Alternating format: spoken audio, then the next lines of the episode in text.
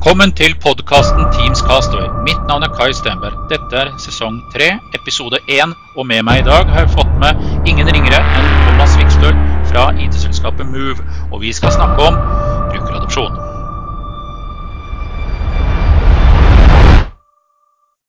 Sier jeg velkommen, Thomas. Hyggelig at du tok deg tid til å bli med på denne runden her av podkast. Det er jo sikkert mange som ikke kjenner Thomas Vikstøl. Du kan jo fortelle litt om din bakgrunn og hva du jobber med og sånt. Ja, det kan jeg gjøre. Først og fremst må jeg si at det er hyggelig å få lov til å være her. Det er litt sånn når en ny fremtidig MVP ringer og spør om du har lyst til å stille, så tar man jo telefonen og møter opp. Så det var kult at du, at du spurte. Jeg, Thomas Viksel heter jeg. jeg har, altså for øyeblikket så jobber jeg for et IT-selskap som heter Move. Men jeg har ikke jobba så veldig lenge. Men jeg har de siste åtte årene jobba med brukeradopsjon. Ja. Som er litt annerledes i forhold til det å jobbe med IT. Mm. Så det har, en, det har vært en spennende reise. Jeg har tatt reisen med brukeradopsjon fra, når, altså fra det tidspunktet hvor egentlig ingen brydde seg om det. Altså ingen trodde at det var viktig. Fram til at man nå endelig har kommet til punktet hvor bedrifter skjønner at dette her er det viktig å bruke penger på når de skal gjøre en IT-investering. Mm. Så det har vært, litt, vært en morsom reise å ta. Så jeg har jobba mange år i Skill. Jeg har drevet for meg sjøl i halvannet år. Ja, og endte nå til slutt opp i, opp i MU, som har vært en liten stund. Der jeg jobber jeg som seniorrådgiver. Og jeg er da brukeradopsjonsansvarlig, hvis det er lov å si. Ja. Så uh, ansvar for alle brukerreduksjonsprosjekter vi leverer. Og uh, jeg har også, selv om jeg har et leveranseansvar, så har jeg også et salgsansvar. Så jeg, liksom, jeg, jeg er også med på alle salgsprosesser og hjelper i presale. og ja, Sørger for at alltid brukerreduksjon kommer på agendaen når vi skal levere en IT-løsning. Ja, jeg er jo såpass gammel, så jeg har jo vært i denne bransjen i 25 år nå. da. Sånn det er jeg vel inne i år 26. Uh, det er jo kanskje sikkert noen av lytterne som knapt var født. uh, og jeg har jo liksom reist uh, land og strand rundt og prediktet kurs og opplæring og opplæringsmateriell og sånt. Men hva er det som får da kunder, og hvorfor skal de bruke penger på brukeradopsjon? Det er faktisk et, et veldig godt spørsmål. Uh, og uh, altså, Først og fremst er det sånn at uh, brukeradopsjon er egentlig veldig enkelt. Fordi at det handler jo i bunn og grunn om at de menneskene som jobber i organisasjonen din, de skal ta i bruk teknologien. Mm. Så når man bruker masse penger på å kjøpe en god teknisk løsning, og ingen mennesker tar den løsninga der i bruk, som har skjedd utallige ganger, så er jo egentlig hele den investeringen du har gjort da, waste of money. Ja. Så hvis ikke du får menneskene dine til å ta i bruk løsninger, så oppnår du heller ingen verdi ved å innføre teknologi. Og det, er, det, og det har, altså har IT-bransjen generelt sett av en eller annen merkelig grunn hatt det litt tungt for seg for å forstå ja. i noen år. Ja. Så det er liksom det, det er såpass enkelt at eh, menneskene skal ta, ta, teknologien i bruk, for da opp, oppnår organisasjonen en verdi. Mm. Og Det er egentlig hele grunnen til at du skal bruke penger på det. Ja. Da vet du at du får noe ut av investeringa di. Ja, for det er noe jeg ser i hvert fall i den sjangeren som jeg flakser og flyr. Eh, nå har jeg begynt å stikke fingrene mine borti sånne ting jeg overhodet aldri trodde jeg skulle stikke ting borti. da. Eh, som Dynamics 365. Og der har jeg fått noen sånne wake-up calls, altså. Uh, men jeg kommer aldri til å dra ut og kjøre en full opplæring i det der greiene der. Da må Nei, man snakke med de som kan godt. det. Da må du snakke med de som kan det, for det er kompliserte greier. Men det som, Ja. det, det som er litt paradokset i dette, som, Mm. uh, som, som man forstår, det er at veldig ofte eh, når man snakker om brukeradopsjon, sitter alle og tenker at eh, da kommer det en fyr som skal gi oss opplæring. Det er det folk tenker. Og han har med Ja, seg det, det, 500 powerpoint-slider. Ja da, han har med seg masse PowerPoint-slider, kanskje har med seg et par ekstra fire-fem PC-er, tilfelle ikke jeg får logga på PC-en min. Og så Mm. sitter han der en hel dag, og så gir han oss opplæring, og så forventer vi at da kan vi systemet etterpå. Det er litt sånn Mm. paradoks i dette. Mm. Og eh, for å være helt ærlig, Mm. Hvis i, i en brukeradopsjonsprosess, så er Mm. det akkurat den opplæringsbiten jeg ville brukt minst tid på. Ikke sant? Fordi, fordi ja, selvfølgelig skal man lære seg å bruke systemet, og man skal lære seg å bruke løsninger. Men Mm. hvis du har fått menneskene motivert, hvis Mm. menneskene har fått et budskap hvor de forstår verdien, så vil Mm. de lære seg systemet sjøl. Det er helt riktig. Og, og det syns jeg er et lite sånn paradoks i det. Mm. For eh, ja, jeg vet ikke hvor mange timer jeg har stått og levert opplæring i, eh, i, i både Dynamics og i Teams og eh, alle egentlig Microsoft 365-løsningene som har vært siden 2013. Mm. Eh, men eh, jeg tror ikke det er veldig mange av de opplæringene hvor jeg tror at de som har deltatt, har lært hvorfor av det. Ikke det at jeg er en dårlig pedagog, men eh, det, det blir jo sånn sjøl hvis man setter seg ned og hører på et, eh, eller ser et kurs, da. Mm. To timer. Hvor mye husker du etterpå? Ikke sant? husker du nesten egentlig ingenting. Man husker lite. Det eneste man Mm. sitter igjen med, var at jeg husker et par steder hvor man trykka litt, og så husker jeg at han fortalte at dette her var veldig bra. Det Mm. er det man sitter igjen med. Og Mm. Da er det mye viktigere å én få forankring i organisasjonen, og to sørge for at man skaper en entusiasme og Mm. en motivasjon hos de ansatte. Det kommer man Mm. veldig mye lenger på enn å bare bruke masse penger på å gi folk opplæring. Ja. Ikke sant? Og det Ja. Og så er det litt som du sier, da. eh, Hvis du får forankra dette fra toppen og ned da, på et fornuftig vis, tror jeg. Altså, det, det er alfa og omega. Og der har jeg Mm. faktisk en litt sånn halvmorsom eh, historie fra når jeg begynte å jobbe med brukeradopsjon for et par år siden. Ja. Fordi jeg eh, Når kan dette her ha vært? Det, jeg tipper kanskje det var i 2014 eller i 2015. Mm. Kanskje det var litt senere òg. Men eh, vi hadde en kunde i Skill. og Det var Mm. sikkert, tipper at du du òg var med å sette opp den løsninga der. Men eh, vi hadde en kunde i Skill som eh, hadde gått til innkjøp av Skype for Business med full telefoniløsning. Ja. Og så eh, hadde Skill, og tipper sikkert det var det, satt opp en helt fantastisk løsning. Eh, og den funka veldig bra. Det var god, altså, alt var, liksom, var bare 100% perfekt. Og så husker jeg at etter vi hadde levert løsninga og gitt noen opplæring og dratt derfra, så ringer da IT-sjefen, husker jeg, et par-tre måneder etterpå, og så sier han det at det, vi trenger noe som har peiling på brukeradopsjon her. Og da var det litt sånn Å, OK. Ja, hvorfor det? Vi eh, Dere har jo fått opplæring, og ting ser ut til å funke bra. Men så sier han at det, ja, men det er jo ingen som bruker løsninga vår. Ingen bruker Skype. Ingen er jo pålogga. Mm. OK, ja, men det er interessant. La oss ta, ta et møte. Så kan vi sette oss ned og så kan vi drodle litt og se litt på hva, vi, hva, hva dere bør gjøre. Mm. Og Så husker jeg at jeg kom i møte med den kunden. og Jeg satte meg ned sammen med han inne på et møterom. Og så sa jeg til han det første du skal gjøre nå, er at jeg syns du skal søke opp administrerende direktør på Skype. Mm. Så søker han opp administrerende direktør på Skype. Og det første jeg ser, jeg, ser da, er at det står 'frakoblet i 130 dager'. Ikke sant? Og da blir jeg litt sånn OK. Hvordan i all verden skal du få dine, dine medarbeidere til å ta, den bruk, ta i bruk denne løsninga hvis administrerende ikke gjør det? Mm. Da husker jeg at okay, Det første vi skal gjøre nå, vi skal sette oss ned så skal vi ta en prat med administrerende. Og så skal jeg fortelle han hvor viktig dette her er, og hvor mye penger dere har brukt på det. Og eh, at han må begynne å bruke det, for da går han fram som et godt eksempel. Ja. Tok et møte. Han skjønte 100% hva vi snakker om. Selvfølgelig skulle han eh, ta i bruk denne løsninga. Vi viste han litt rundt og ga han litt sånn innføring og ga han litt opplæring, så han var i stand til å komme bitte grann i gang. Eh, Ja. Og eh, det var ikke veldig mye mer annet enn at vi tilbyr litt opplæring, ga litt mer kommunikasjon. Mm. eh, Prøvde å motivere de ansatte litt mer. Mm. Etter en måneds tid satt alle på Skype. Ja. Og det skal liksom bare så lite til, da. Mm. Eh, bare okay, få administrerende i gang, så kommer én etter én etter én diltende setter. For da skjønner de endelig at ok, kanskje dette her var viktig, kanskje dette her er bra. Kanskje dette faktisk gir oss en verdi.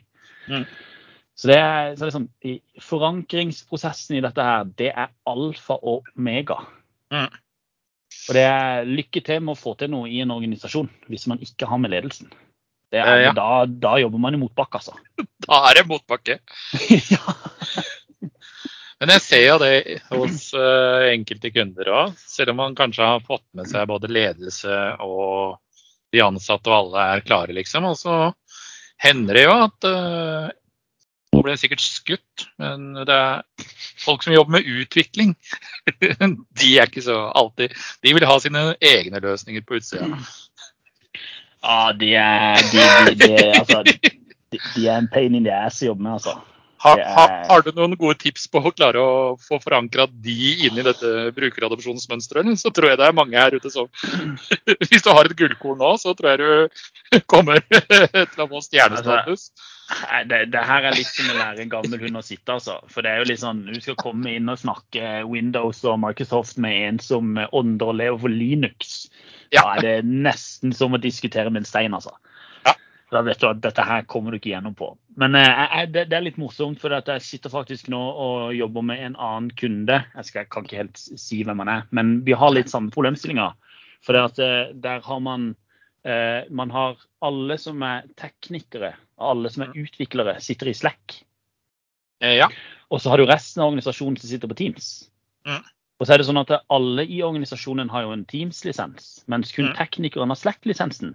Mm. Sånn at eh, hvis en som da jobber i den andre delen av organisasjonen som ikke har Slack, så må han Mm. gå til IT-sjefen og spørre om å få en Slack-lisens, for hvis ikke så får jeg ikke kontakt med de som er teknikere. Nei.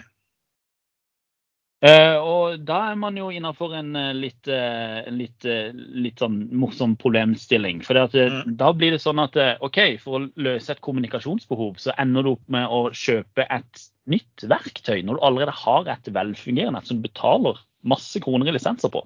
Ja, ja, ja. Så vi, vi er på en måte ikke i mål med vi er ikke i mål med prosjektet og er ikke ferdig med det. Og eh, eh, her er jeg super eh, konkret på forankringsarbeidet, for jeg tror at det er det som er løsninga. Mm. Um, uansett hvor mye jeg prøver å motivere dem, så tror jeg ikke jeg vil klare å få dem med meg. Pga. at de er så inn i den open source eh. Mm. Eh, Så her har jeg mange runder med mange ledere i denne organisasjonen her for å få lederen til å forstå viktigheten av det.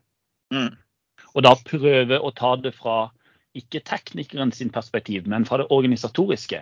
Hvor jeg liksom prøver å legge det fram på den måten at eh, ja, men dere må jo få med alle. Dere må Mm. få samla organisasjonen deres. Det her handler ikke om enkelt, enkeltindivider eller om enkeltgrupper. Det handler om dere som en organisasjon som trenger å bli flinkere på å kommunisere internt. Ja. Og da kan du ikke gjøre det ved at eh, noen sitter ett sted mens alle andre sitter det andre stedet. Så, så vi inngår også her på en måte et kompromiss hvor man sier at Slack skal dere få lov til å bruke, men det blir Mm. den sekundære kommunikasjonskanalen. Der den primære er Teams, Mm. og der skal alle være pålagt når de er på jobb. Ja. Og eh, eh, der har jeg sagt at her gir jeg meg ikke før jeg i hvert fall i det minste har fått alle ledere til å committe på det. Mm. For det er eneste måten jeg kan få dette her gjennom på, er hvis en leder sier at eh, du må også være pålogga på Teams. teams punktum. Mm. Ja. Men ja, det, det er egentlig det beste svaret jeg kan gi på det. Jeg har ikke Mm. noe sånn derre jeg har ikke noen trylleformel for å få til akkurat den delen der, for den er, den, den er kinkig. Den er veldig Den er kinkig. Men jeg skal, komme tilbake, skal heller komme tilbake til deg til en senere podkast, så skal jeg fortelle deg resultatet. Se hvordan dette her endte opp til slutt. Ja, da kan vi lage en sånn kortvariant. ja. Dette var hva jeg gjorde, og slo det i hodet med. ja. ja, det er akkurat Ja, men det er jo, er det. som du sier, det, det må jo forankres. Og det er jo forankringen i dette som er viktig. Det er det. Eh, Det er, det. Ja, det, er- forankringa som er uten tvil det viktigste. Mm. Og jeg, jeg har jobba på prosjekter òg altså, hvor jeg ikke har hatt forankringa, og eh, resultatet har ikke blitt så bra. Nei. Man, man blir ferdig med prosjektet, man får fakturert timene sine, man får kanskje ender opp med at det, det fører til at man får en eller annen bonus, men Mm. man sitter fortsatt igjen med en litt sånn dårlig følelse om at eh, det her fikk jeg ikke helt til. Dette Selv om man har gjort-. Nei, det er akkurat det. Selv om man har liksom sitter der og kan sjekke av flesteparten av boksene som man skal i en sånn her type prosess, men eh, ikke man har den, så eh, Nei, da blir det, da blir det vanskelig. da, eh, ja, da blir det tøft. da blir det veldig, veldig tøft. Og det er, eh, som du sier, det, det er ikke noen enkel oppgave.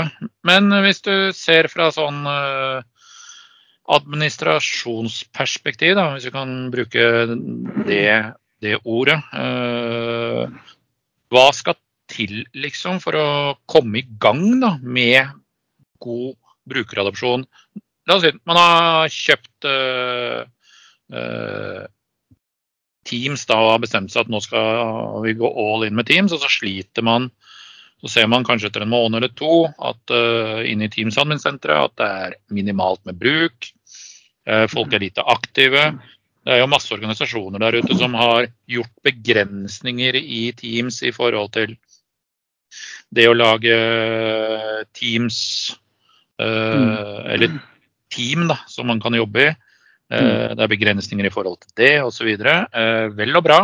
Eh, veldig fornuftig i et perspektiv, i hvert fall når man skal sette det i gang. Mm. Kanskje lette opp litt etter hvert.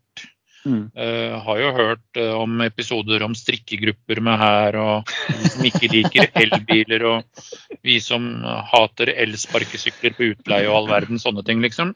Det blir jo litt sånn uh, Copyright Facebook. en gruppe for ja, mulig rart, ikke sant? Det, det, det, blir jo det, vet du. Det blir jo det. Og uh, jeg tror det viktigste punktet er at man må se innføring av teknologi i et mye lengre perspektiv enn det man gjør. Mm. Eh, mange, eh, altså Veldig ofte så er det sånn at når du skal gjøre en teknisk implementering, så, ser man, så vet man at okay, vi begynner eh, på et sted, og så vil vi mest sannsynlig være ferdig innen kanskje to, tre, fire, fem måneder. Mm. Og så forventer vi at eh, når eh, sluttdatoen er kommet til dette her er ferdig innført, så, så, så er brukeren klare til å komme i gang. Men mm. eh, det tidsperspektivet der er veldig mye lengre. Så man må ikke se brukeradopsjonsprosessen i et perspektiv på bare et par måneder. Man må gjerne se den nesten på et halvt år. Ja. Men så, eh, så, er det noe eh, veldig mange undervurderer. Mm. Um, og det har med vaner å gjøre. Altså vaner hos enkeltindivider. Vaner hos meg, vaner hos deg. Mm. Eh, vaner hos de som sitter bak, eh, bak en PC. Fordi ja. eh, det, er, det, er, litt psykologi det greiene her. Mm. Eh, for um, jeg, leste en sånn herre jeg, leste, jeg leste noe forskning på hvorfor det var vanskeligere som fotballspiller å spille på bortebane enn på hjemmebane. Mm. Fordi at Hvis du møter et fotballag som mm. normalt sett skal på papiret være dårligere enn det, og du ja. møter de på hjemmebane, så er det ofte at man kanskje vinner åtte eller ni av ti ganger. Mm. Men så møter man de på bortebane, mm. Så er det ofte at statistikken er betraktelig mye lavere. Man er gjerne ja. på liksom fire, fem, seks ganger at man slår de. Så hvorfor er det sånn? Mm. Eh, og da er det sånn at eh, når du går inn i garderoben din på din hjemmebane, så kjenner du på en måte alle omgivelsene. Du vet hvor du er hen, du vet hvor toalettet er, du vet hvor du skal gå. Eh, alt sammen ligger i vaner som du har bygd på, som gjør at eh, din kropp vil ikke skape stress. Han vil ikke skape uro. Så da er du avslappa, for du går inn i kjente omgivelser. Mm. Når man går inn i en bortegarderobe, så er man ikke kjent. Man vet kanskje ikke hvor toalettet er, man vet ikke hvor man skal sitte. Man vet ikke hvor man skal ta av seg skoene, man vet ikke hvor man skal ta av seg jakka. Og det er med på å skape en indre uro i kroppen din. Mm.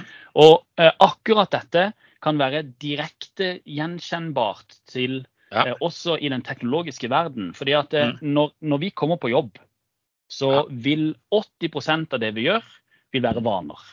Mm åpner e-posten vår, eh, vi eh, svarer på de e-postene vi pleier, vi åpner de dokumentene vi pleier, vi lager dokumenter der vi alltid har lagra det. Vi bruker alltid de samme ja, men vi bruker alltid ja. de samme programmene. For det at mm. hjernen vår er programmert til å gjøre det på den måten. Og det å snu disse vanene ved å f.eks. si at nå skal du ta ett dokument og du skal lage det et annet sted, det gjør vondt. Ja. Det er kjipt. Skaper, mm. Kroppen blir stressa av det, for det bryter ut av vanemønsteret ditt. Ja. Og det å bryte et fullstendig vanemønster og pålage seg en, en helt annen vane, som gjerne ofte fører til at du jobber på en helt annen måte, det tar mm. tid. Det tar og, det er, og, og, det er, liksom ikke gjort ved at, som vi har sagt litt tidligere i, i, i denne innspillinga her, at det er ikke gjort bare ved å, ved å gjennomføre en opplæring. Nei.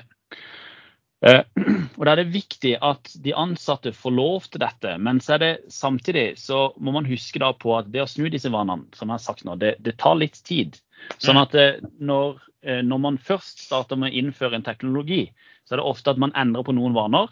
Mm. Og så hvis brukeradisjonsprosessen stopper, altså man ser seg selv som ferdig, så går man rett tilbake til de gamle vanene. Eh, sånn at eh, Brukeradopsjonsprosessen den må, den må, fortsette veldig mye lengre, sånn at ikke brukerne, ikke de ansatte som skal kanskje begynne å jobbe eller lage dokumenter på et annet sted, at ikke de snur seg tilbake. Ja. At de fortsetter å ta enda et skritt, enda et skritt, enda et skritt vekk fra de gamle vanene. Mm. Og til slutt så vil de komme dit. Mm. Og så må man også huske på det at noen vil komme dit etter kanskje en uke. Noen vil mm. komme dit etter en måned. Mens andre ville kanskje også ta år halvannet før de er der. Ja, ja. Fordi, at, fordi at alle oss, liksom, alle, alle, individer er såpass forskjellige. Mm. Og man, man, man, man, trenger såpass mye lengre tid for å kunne, for å kunne endre seg. Mm. Og, det, og det, det, det, er liksom, det, er det som er essensen i det hele. Mm. Det er at man skal inn her og endre vaner. Ja. Jeg, jeg, vet ikke hvor mange ganger. Du vet når iPhone nå kommer med en ny sånn oppdatering hvor, mm. eh, hvor, hvor søkefeltet på, på, nettleseren er nede og ikke oppe. altså, det, altså det, det, det, er jo et, et lite paradoks, da. For at eh, ja. nå er det sånn at jeg fikk vel den nye iPhone for liksom to måneder siden. Og mm. fortsatt så går tommelen min opp istedenfor ned når jeg skal skrive inn nettadressen. Mm. Og det, det, er liksom, det må man huske på. Ja. For det, det, det, det, her er, det, her er, det er liksom brukeradopsjon i praksis. Bare det at nett, den søkeboksen hvor man legger inn nettadressen har flytta seg, bare det liksom føles, føles vondt. Ja. Uh, Så, og jeg er helt enig. Uh, jeg er jo også et sånn der uh, vanedyr. Når jeg, når, når, jeg drar på kontoret, så drar jeg såpass tidlig at jeg alltid får den samme plassen for når vi har frisitting. Ja, ja, ja, Får jo angst hvis jeg må ut på dagen og kommer inn igjen på ettermiddagen og noen har satt seg på plassene, så går jo hjernen helt i vinkel. Går jeg rundt og lurer på hvor jeg skal sitte hen. Ja, ikke sant. Det er sånn det, det, det, det er, sånn det er, vet du. Det er, det blytungt. Det er samme som hvis vi skal på toalettet på jobb. Ja. Man velger alltid det samme toalettet. Det er helt riktig. Det er rart det der. Hvis du først ja. hvis du to, to toaletter ved siden av hverandre, en til høyre og en til venstre, og du starter med å gå til høyre, går du alltid til høyre. Ja. Og når du kommer på jobb, så leter du alltid etter å henge jakka uh, i det der garderobeskapet nærmest mulig uh, veggen, sånn at det er lett å finne når du skal hjem. ja, ja, ja. ja. Altså, det er sant, det.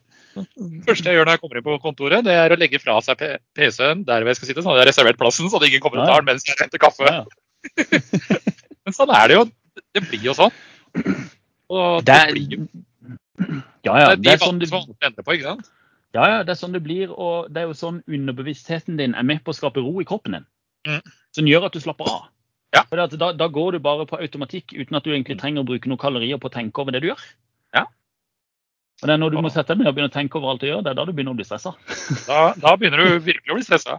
Det, det, er som jeg sier, da, da går jo alt i vinkel. Alt skjærer seg. Gudskjelov så har vi bare kontor i én etasje, så det er ikke så gærent. Liksom. Men jeg husker jo når jeg jobba i uh, Ergogrupp i sin tid, og da var det sånn at uh, avde jeg hadde vært på ferie. Og så hadde, hadde avdelingen flytta mens jeg var på ferie. Ja. Fra femte etasje til tredje etasje. Ikke sant? Den er fin. Og jeg husket jo ikke hvor vi skulle sitte, så jeg gikk opp i femte etasje, og der sto alle tingene mine stabla på gulvet. Så da tok jeg med meg stolen min, og så stabla jeg alt oppå. Og så tenkte jeg hvor er det vi skal sitte? Så kjørte jeg heisen ned i fjerde, og jeg huska at det var nedover. Så vandra jeg hele fjerde etasje rundt. Fant ingen. Inn i heisen igjen, ned i tredje etasje, og kom halvveis ut i tredje etasje her, så fant jeg ah, er det her vi skal være?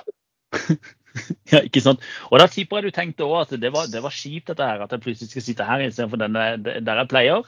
Ja, ja. Så, man, så, så syntes man det var kjipt over en liten tidsperiode. Og så ble man vant til det, og så var det greit. Ja, og da hadde jeg fast plass også. Da hadde vi gudskjelov faste plasser. Da var det jo veldig greit. Da hadde jeg en kollega på innsida, og så satt jeg på yttersida. Og så satt vi der og kokte munka. Så, det... Nei, men det er jo som du sier, det er de der vanene. Men det er jo samme som uh, når du går på treningsstudio òg. Alltid, sånn som der jeg trener, så har vi to herregarderober. De er ikke så store. Nei.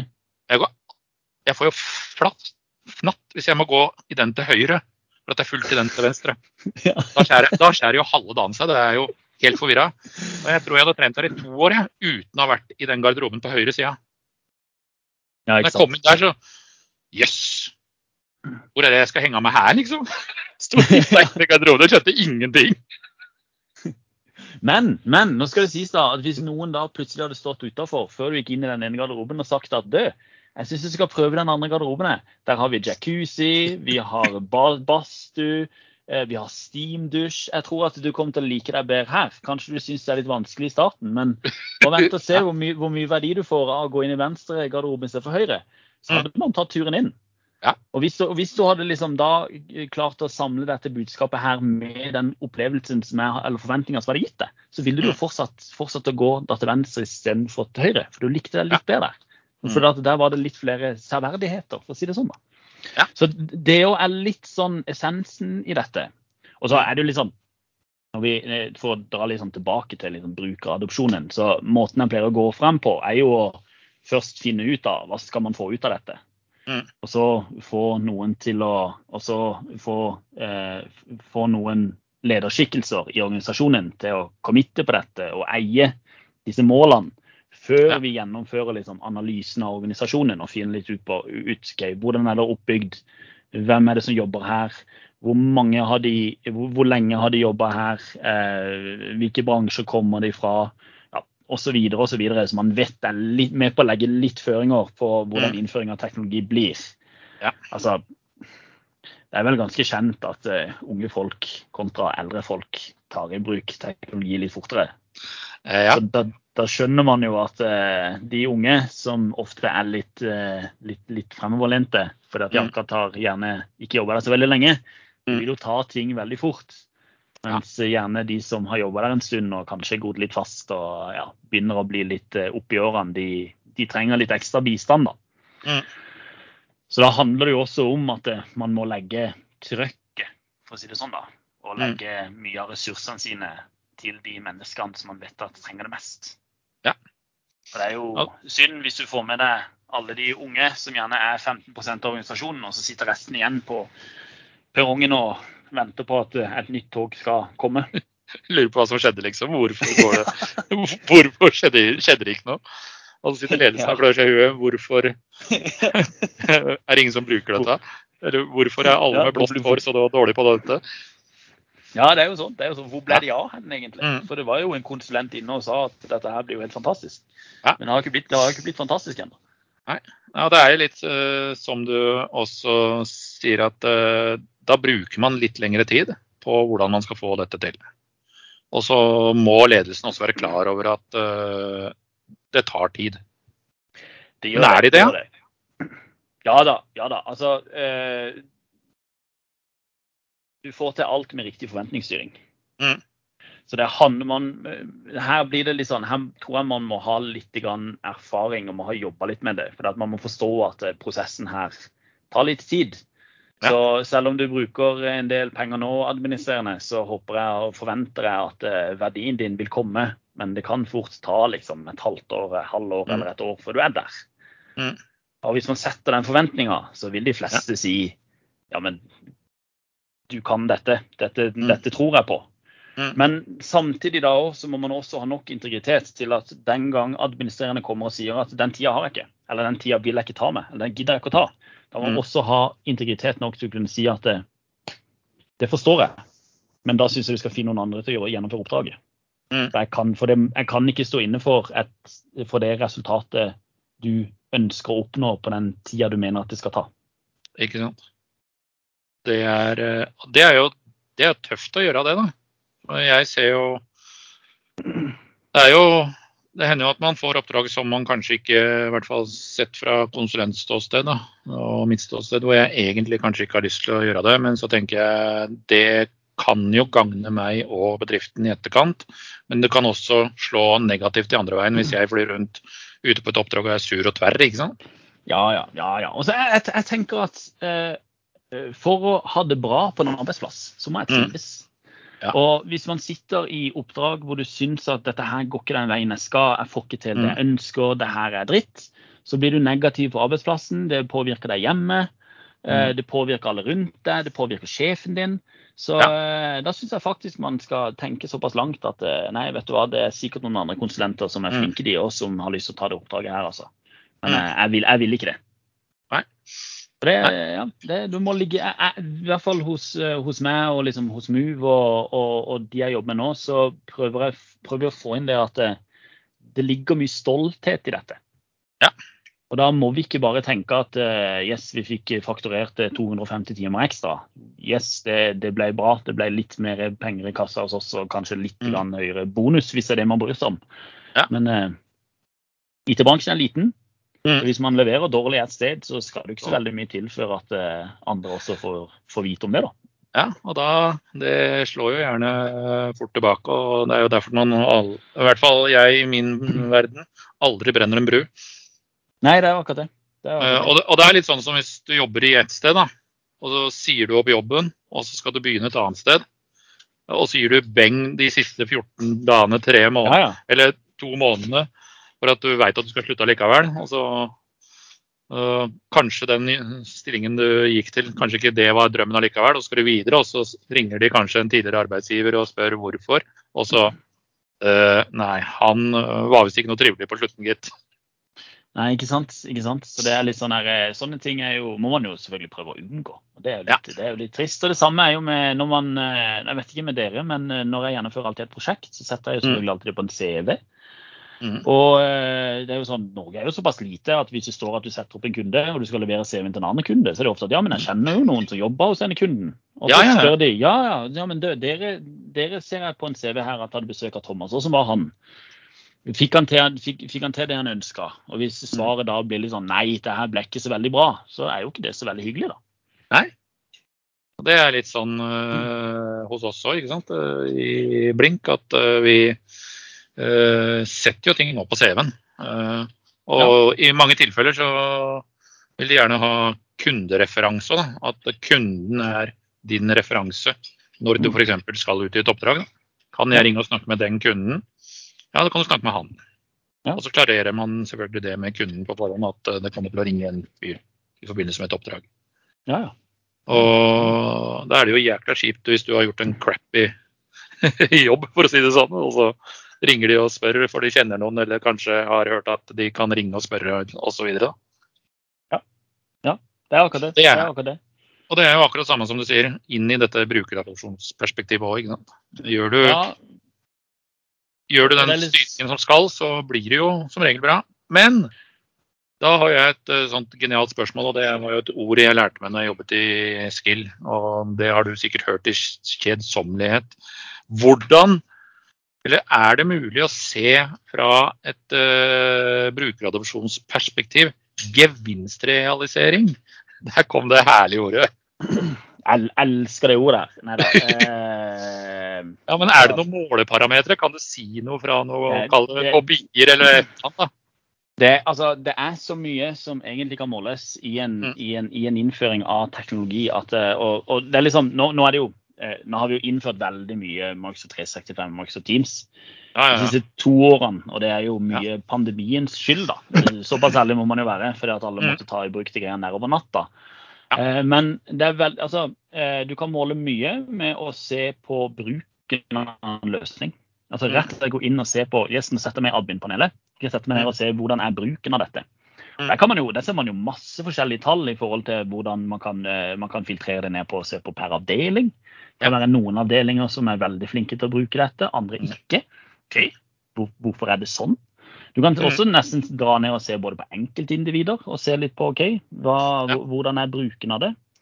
Eh, Men eh, det å bruke en løsning Mm. betyr jo ikke nødvendigvis gitt at brukeren er fornøyd av den grunn.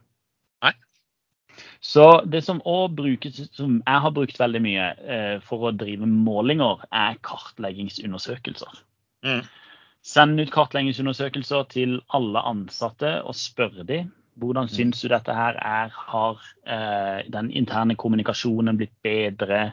Hvilke verktøy vil du bruke for én-til-én eller én-til-mange-kommunikasjon? Eh, hvor går du for å dele dokumentene dine? Føler du at du har mer i kontroll? Du, føler du at du bruker kortere tid på å finne dokumenter nå kontra hva man gjorde før? Altså, så Mm.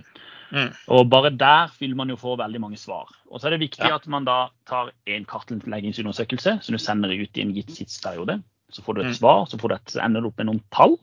Mm. Og så lar du det gå noen måneder, så sender du ut samme kartleggingsundersøkelsen. Og så ser du om det er noen endring på tallene. Mm. I hvilken retning går f.eks. tilfredsheten på løsninga? Går den opp, eller Ja. går den ned? Mm. Forhåpentligvis har den jo gått opp, og da ser man jo at man er i riktig retning. Ja.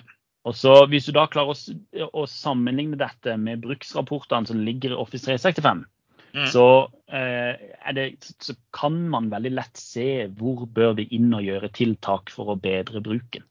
Ja. Bedre kanskje strukturen. Er det sånn at vi må inn og gi en avdeling en ekstra workshop, eller uh, er det en avdeling som vi må inn og ta en ekstra runde med den ene lederen, eller må vi en runde inn gjennom i ledergruppa for å få ting forankra sånn som vi vil, eller ja.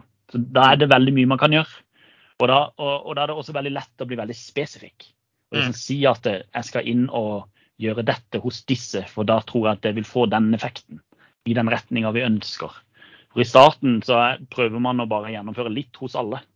Mm. Og så, så, så, så går det bra noen steder, og så går det dårlig noen steder. Sånn ganske sånn naturlig nok, da. Mm. Og da er det veldig lett å se liksom, okay, hvor skal vi nå fortsette å legge trøkket for å sørge for at eh, vi oppnår det vi ønsker. Ja. Um, men det å sette selve gevinstrealiseringsmålene, Mm. det er vanskelig. Det er veldig vanskelig. Det er kjempevanskelig. Uh, altså eh, Vi har fått det til. Mm. Eh, og eh, og, og det pleier som oftest å bli ganske bra, at, men man må fokusere på de riktige tingene. Og så Mm. blir det av og til litt sånn flyvende. For at, Ja. eh, eh, I hvert fall hvis du ser dette her fra liksom, Teams og Office 365-verden, Mm. så er jo ikke dette her driftskritiske prosesser. Ja. Så der, der, er det, der, der går veldig mye på at man, det at eh, man har tilfredshet til løsninger, høy bruk, så forventer man at da har de ansatte f.eks. blitt mer effektive. Mm. Det er på en måte den veien, gevinstrealiseringsveien man går. Mm. Og så er det jo da sånn at Når du skal sette deg ned og snakke gevinstrealisering med kunder, så er det veldig få som egentlig vet hva du snakker om. Men det, det, det, tar, det tar en veldig lang modningsprosess før man skjønner litt ok, hvor er det vi vil hen, hvor er det vi skal hen, hvilke mål kan vi sette. Ja. Så det er Nei, jeg, jeg, jeg syns det er gøy å jobbe med det, men det er utfordrende. Men så er det jo sånn at eh, hadde det vært lett, så hadde jo alle gjort det. Ja, Så ja. Så det er jo litt sånn Ja. Jeg, og jeg har fortsatt til gode, spesielt når du ser det fra Microsoft 365-perspektivet, jeg har fortsatt Mm. til gode å liksom eh, se at eh, man treffer 100 Mm. Det syns jeg er veldig vanskelig. I hvert fall, fordi, og så er det sånn, du setter også et mål på det tidspunktet hvor du vet minst. Mm. Det er helt riktig. Så, og så kan man jo sette seg ned og, og ta diskusjonen om er det riktig. Men også, men man må vite veldig at, vite det at man setter et mål, og så er det et Mm. utgangspunkt. Og det Mm. målet kommer til å korrigere seg underveis. Ja. Etter hvert som man ser at OK, den dreininga i forhold til det vi, hadde, det vi så for oss, eller det vi hadde trodd, det går den ene eller den andre veien. Ja. Og da må man inn og tilpasse. Mm. Så det er eh, Så det er viktig. Nei, men det Jeg tenker det er bra, jeg. Jeg tror vi har truffet bra. Det har vært en ære å ha deg som gjest. Så får du gå tilbake og nyte resten av kvelden med et glass rødvin på hytta. Det skal jeg garantert gjøre. Det, nå forventer jeg at rødvinsglasset står klar på bordet mitt når jeg kommer ut i stua igjen. Så får vi se.